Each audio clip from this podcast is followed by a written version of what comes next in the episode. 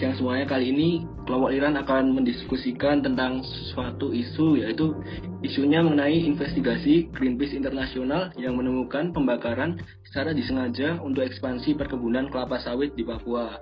Belum kita membahas diskusinya, alangkah baiknya kita berkenalan terlebih dahulu. Perkenalkan, nama saya Muhammad Faiz Azamul Haq, bisa dipanggil Azam, saya dari kelompok Liran. Mungkin yang lainnya bisa melanjutkan.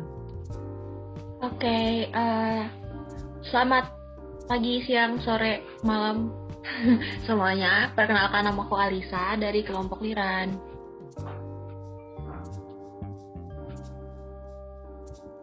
Oke, okay, halo semuanya. Nama aku Nadine dari kelompok Liran.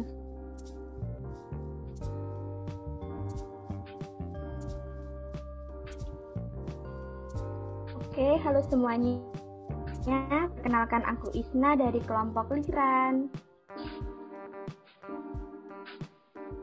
Halo semuanya, perkenalkan nama aku Jin, aku juga dari Liran.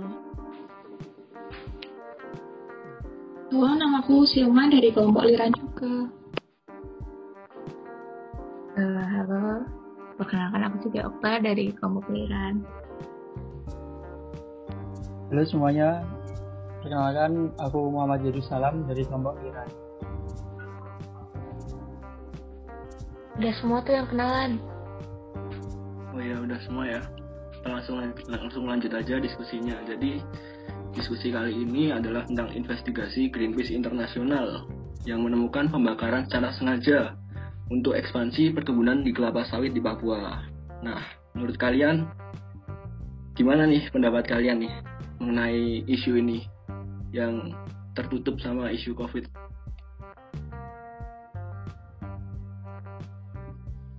Bentar nih Kak Azam.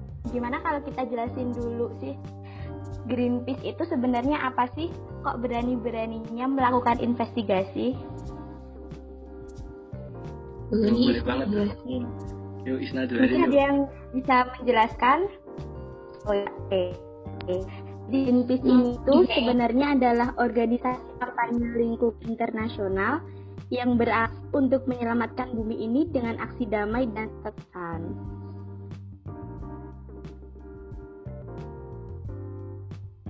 Kalau gitu pendapat Isna sendiri gimana sih yang Greenpeace Green apa investigasi Greenpeace ini?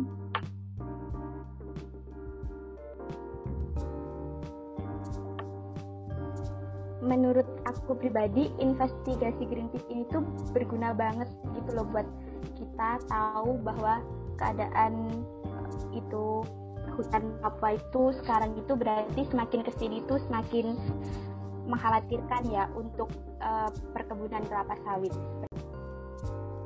Uh, guys, aku mau nanya dong, kalau misalnya tentang Greenpeace ini kan berarti ada yang sengaja ngebakar hutan di Papua gitu kan ya? Kalian tahu nggak sih sebenarnya siapa gitu dalangnya gitu yang membakar hutan di Papua kita gitu? Oh, kalau aku sendiri tuh tadi sempat lihat ini ya di di, di CNN kalau nggak salah ya. Jadi itu uh, dari VSC VSC tuh uh, kayak lembaga yang yang dia tuh kerjasama sama yang uh, apa namanya yang yang mau bu, apa yang mau gunain lahan sawitnya itu. Mungkin teman-teman kalau misalkan ada yang ingat aku agak-agak lupa sih sebenarnya soalnya. Aku tadi baca di Kopindo bukan sih? Iya iya iya betul betul itu. Tuhan kan dia besar sih ya Terus aku mau nanya nih guys, kalau pendapat kalian tuh gimana gitu? Maksudnya kan Korindo ini kan bukan perusahaan Indonesia gitu ya, kayak eh, perusahaan yang gimana istilahnya kayak kerja sama sama Korea gitu. Terus mereka kayak bakar-bakar lahan kita itu, kalian perasaannya gitu gimana sih? Pendapatnya gimana gitu?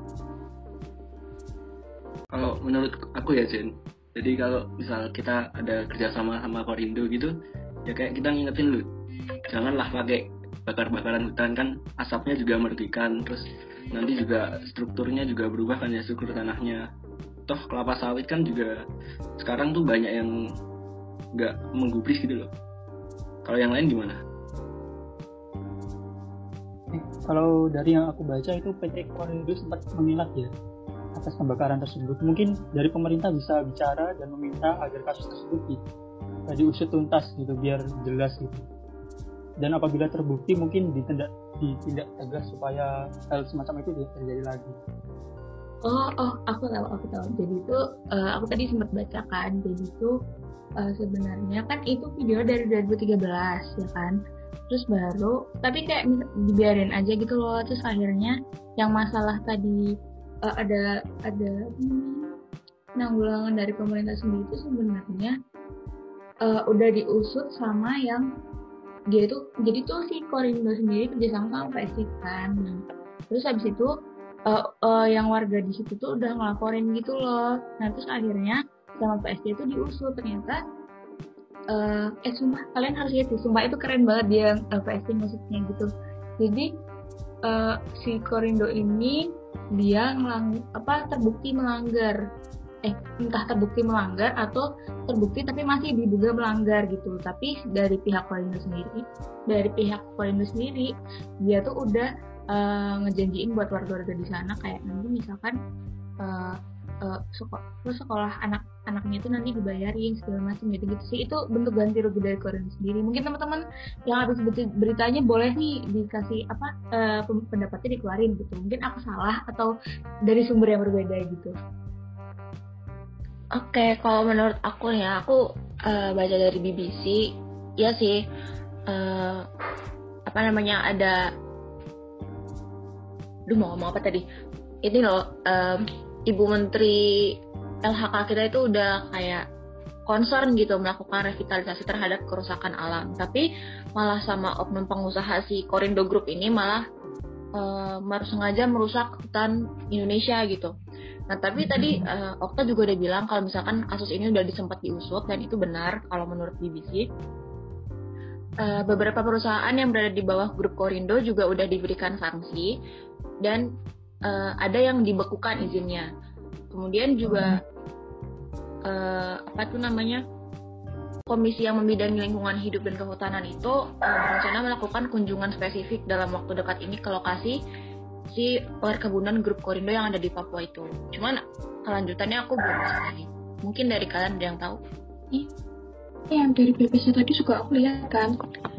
Dia itu Korindo itu kalau dia itu uh, niat sengaja atau enggak makanya dan tapi dari penelitian tuh udah kelihatan gitu loh pannya tuh dari tengah dulu habis itu pindah ke timur meluas sampai akhirnya semuanya kena gitu loh kalian lihat nggak sih yang itu? Iya aku lihat.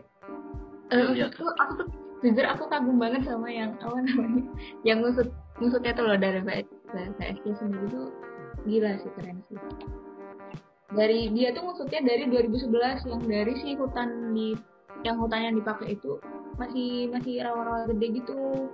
Terus diusut diusut ternyata emang ada tumpukan kayu ya nggak sih? Mungkin teman-teman ada yang baca juga ada atau ada yang lihat sendiri iya iya aku lihat. Ya tumpukan kayu. Terus dikiranya malah yang orang sana kayak mereka nyari tikus itu loh di tumpukan kayunya itu terus akhirnya dibakar. Tapi tapi malah kayak berbeda pendapat gitu loh antara masyarakat di sana sama yang diduga sama si Korindo sendiri gitu.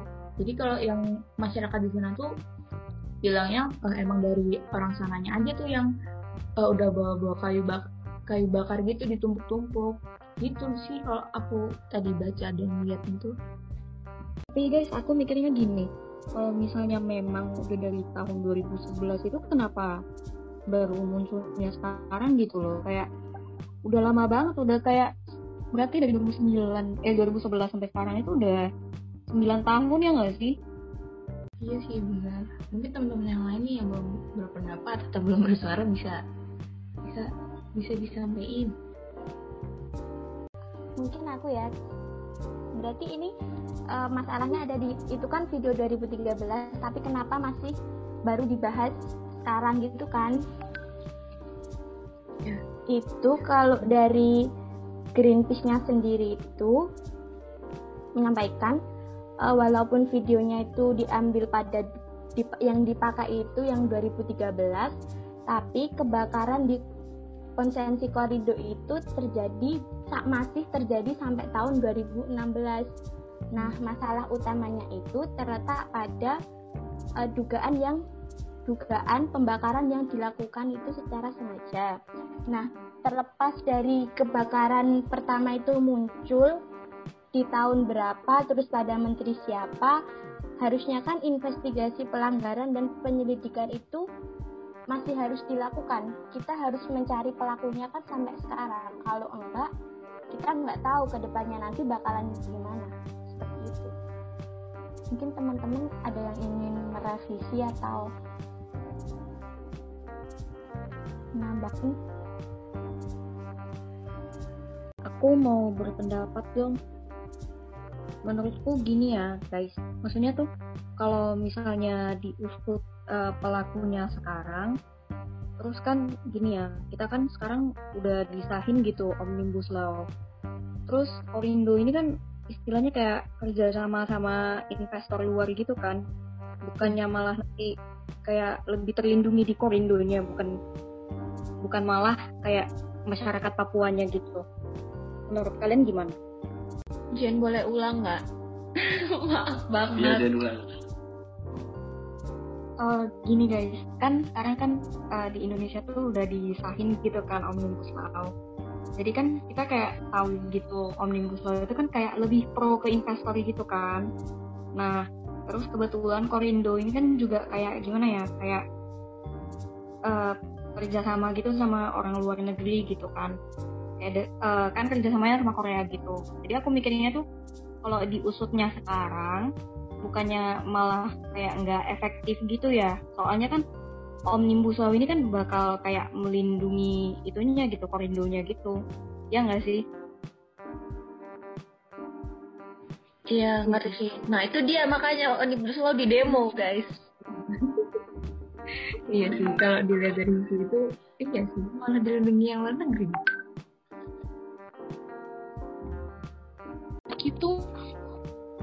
Itu Korindonya tuh kan yang sempet diomongin Okta tadi kan sampai nawarin uang ke warga Papuanya nggak sih? Ya nggak sih?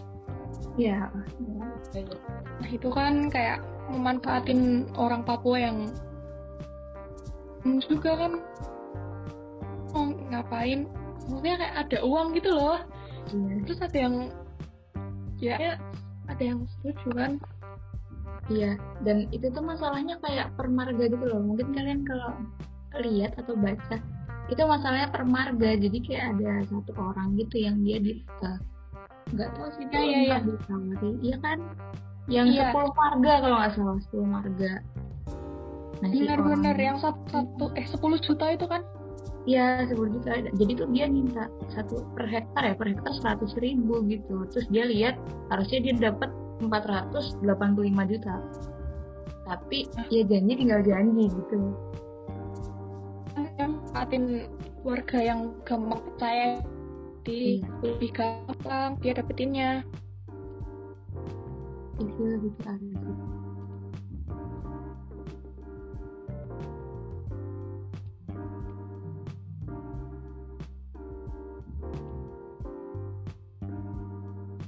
oh iya mungkin temen-temen ada yang tahu uh, apa namanya kabarnya sampai hari ini tuh gimana? Soalnya yang aku baca itu videonya kira-kira sehari atau dua hari yang lalu gitu. Yuk dia yuk Nadine. Ada mungkin aku sih belum update apa ya berita terbarunya tapi menurutku ini tuh karena karena apa ya pemerintah kita tuh kayak belum pro rakyat gitu loh masih pro-nya ke investor. Jadi kayak mau gimana pun kita ngelawan ya tetap kalah. Kita nggak punya kuasa kita nggak punya harta kita juga nggak punya jabatan juga. Jadi kita bisa bersuara lewat apa ya mungkin ngajak teman-teman itu loh biar ini kita kayak menentang suatu kebijakan yang akan terus melanggengkan suatu korporasi yang bisa membiarkan hutan-hutan di Indonesia itu terus dibakar gitu loh untuk perkebunan sawit itu sih kalau pendapatku mungkin yang lain gimana ya aku juga gitu soalnya uh, ya namanya juga itu investor gitu loh ya kan apalagi negara kita tuh lagi gencar-gencarnya sama yang namanya ekonomi tapi tahu nggak sih guys kalau misalkan grup Korindo ini tuh membantah semua tuduhan itu? Nah itu yang. Ya, ya tahu tahu tahu. Tahu Iya. tahu tahu tahu Dari Mereka pemerintah juga Ya, gimana? menyangkal.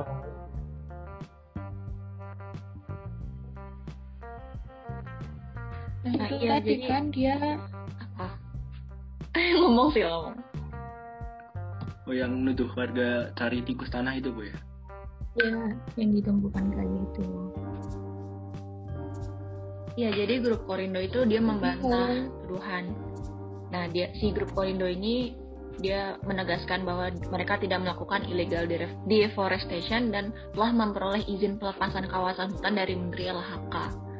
Gitu. Jadi si grup Korindo ini ngakunya udah dapat izin dan mereka nggak ngaku kalau misalkan eh, di dalam proyek mereka tuh ada pembakaran gitu.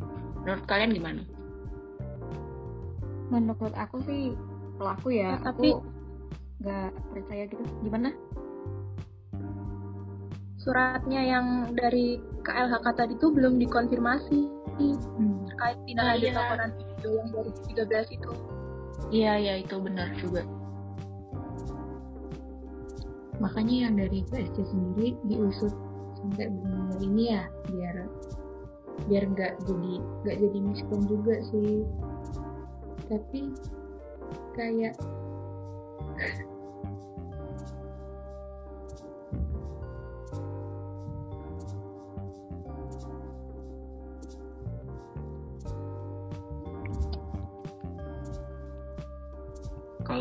kalian kayak gini tuh ada dampak untuk ke depannya nggak sih bagi masyarakat Papua sendiri gitu? Apa malah dampak baik gitu?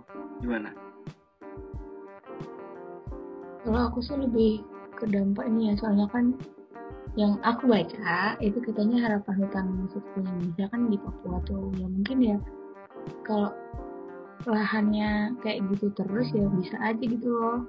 Maksudnya kayak yang dia aja itu yang udah ada penanggung jawabnya PSG kerja bareng PSG itu masih kayak gitu apalagi nanti semakin ke depannya. Terus kalau misalkan kita nggak mengedukasi orang-orang di sana juga sama aja gitu loh bakal keulang lagi. Ya nggak sih teman-teman? Kalau teman-teman gimana? Bener-bener Iya, aku setuju bener sama setuju sama Oka Iya sih. Dampaknya lebih ke lingkungan nggak sih guys? iya lebih ke ke lingkungan lingkungan. Iya. Terus itu kalau lihat digambarkan hutannya itu kayak yang dibakar itu bener-bener luas banget nggak sih? Iya, Iya, sampai kan? dibilang Iya, seluruh iya. kota Seoul kan? iya Iya. katanya itu kayak Hektar eman-eman gitu loh itu hutan segitu. pertama sih ya itu sih kalau menurutku ya dari segi apa namanya mengedukasi sendiri gitu loh dan itu kan di sana masih kayak ini ya kekeluargaan banget kayak pakai marga-marga segala ya nggak sih ya nggak sih Sil, yang pakai 10 marga itu kayak "Hah, gimana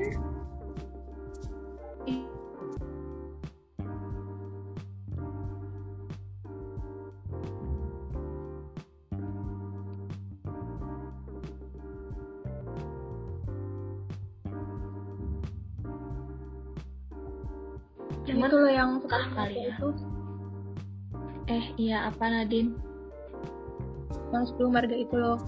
Aku baca di BBC itu, Petrus Kinggo itu kan ketua marga Kinggo gitu. Nah dia tuh sampai sekarang kayak merasa bersalah gitu, terus menanggung beban karena dia udah ya mengizinkan gitulah. iya Nah, nah dia juga kena tipu kan. iya makanya itu pokoknya itu yang si Petrus itu awalnya itu dari dia terus yang dia dijanjiin yang tadi aku bilang kayak nanti dia minta kompensasinya satu per hektar itu seratus ribu terus dia dapat untung yang harusnya dihitung. Itu tuh ada ininya kalau misalkan kalian lihat di YouTube ya itu tuh ada apa namanya gambar apa sih kok kasbon apa sih itu yang kayak semacam buat dicairin ah setelah itu. Iya itu pokoknya se senilai 400 jutaan tapi ya gitu guys di, ditipu ditipu juga terus akhirnya ya gara-gara dia mungkin ya orang-orang tuh mengira gara-gara dia akhirnya dia kayak ngubah masa depan hutannya gitu loh selama 10 tahun belakangan ini gitu. Ya tadi beneran itu 100 ribu sehektar gitu. Set murah iya pokoknya tuh entah apa mungkin ada yang ada yang baca ada yang denger itu dia kompensasinya tuh 100 ribu per hektar. Iya sumpah. Kayak ditipu banget gak sih? Iya makanya. Ah iya iya benar. Dia manfaatin orang sana kayak gimana ya? Mungkin bagi tuh udah tergoda gitu loh. Mungkin bagi mereka tuh itu udah uang banyak banget. Nah itu. Tapi ya rugi nggak sih gitu tuh? Rugi banyak banget tuh. Tapi bentar aku tak tanya. Itu kan harusnya Korindo kan lewat negara dulu ya kalau mau kerjasama. Iya enggak? Iya. Iya sih. Nah, terus itu untuk masalah tanah yang satu hektar seratus ribu itu kan ber- berarti sama penduduk sana. Nah, kenapa dari pemerintah sendiri itu enggak ngasih kayak eh, pemberitahuan gitu loh? Mendeng maksud tuh enggak? Jadi kak, kalau seumpama mereka nggak tahu, kita kasih tahu itu seratus ribu satu hektar Nah itu malah mungkin aku kiranya kayak karena itu lahan sana, kayak dipegang sama beberapa marga, ya udah diserahin ke sana karena ya gitu guys, kayak kurang kurang edukasinya itu kurang banget, makanya kayak ya udahlah kita patok aja nih seratus ribu gitu, mungkin di situ sih masalahnya. Ini teman-teman yang lain gimana nih? Mungkin karena kalau menurut aku juga karena Korindo Group itu salah satu apa ya eh, perusahaan kelapa sawit yang besar gitu kalau di Papua. Dia megang sampai 57 ribu hektar. Jadi mungkin pemerintah juga kalau em, apa istilahnya kayak bergantung gitu loh sama mereka untuk untuk ya lagi-lagi untuk ekonomi setempat mungkin atau ekonomi negara ini gitu. Gak tau sih, tapi bisa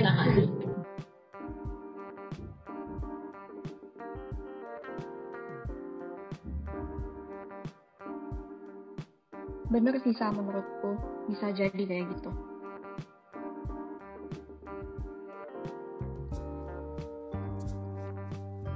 Soalnya sampai sekarang aja pengusutannya belum selesai, terus juga apa ya, nggak nggak ada tanda-tanda akan dibahas gitu loh, ngerti gak sih?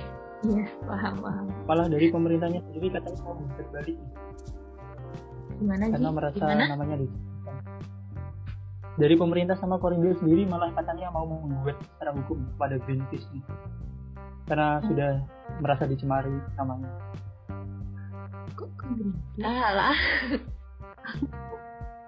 pemerintah mah benar Iya gitu deh. Malah dibahasnya tuh bukan masalah yang kayak gini, masalah yang lain. Aduh males banget ya. iya sekarang RUU larangan alkohol juga udah lagi dibahas kan? Ya apaan banget? Itu gak jelas banget, sumpah. pengalian itu Ya gak lebih penting tuh lebih diurusin gitu loh. Iya kan, aneh banget sumpah pemerintah Eh. sakit beneran. biar nutup yang berita itu yang rugi negara makanya nggak penting dibahas gitu. Negara ikut campur akan hal itu guys. Apa gimana? Apa mau disudahi saja? Kesimpulannya simpulan aja yuk daripada Ya yuk, pemerintah kita menyimpulkan. Sudah aja. siapa mau nyebulin nih Okta wah.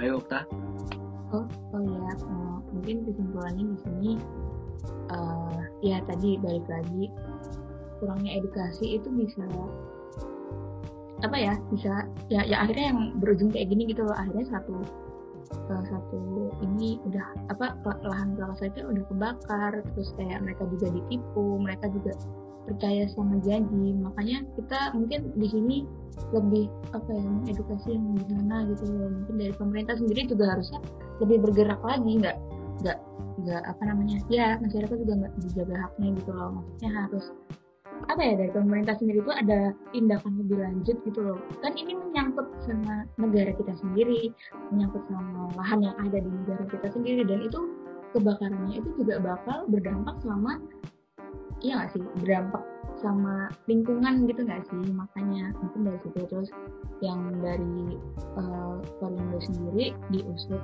yang akhirnya diusut sama PSC itu ya memang memang si Korindo ini terbukti kalau misalkan dia apa ya melakukan apa sih eh, pembakaran lahan gitu secara sengaja ya karena ditemukannya tadi yang diusut dari PSC dari hutannya itu 2011 sampai 2016 itu ada ternyata ada tumpukan kayu di sana dan ada sempat apa ya perbedaan pendapat sama masyarakat di sana. Dan Korindo tuh menyalahkan nggak menyalahkan sih malah lebih bilang kayak itu tuh dari masyarakat dari sana mereka yang nyari uh, tikus tikus yang berada di tumpukan kayu. Sedangkan masyarakat di sana kontra gitu loh sama pendapat dari Korindo. Mungkin itu sih uh, apa namanya uh, uh, apa namanya berita terakhir berita terakhir dan terkini sehari yang lalu gitu sih teman-teman mungkin ada yang mau nambahin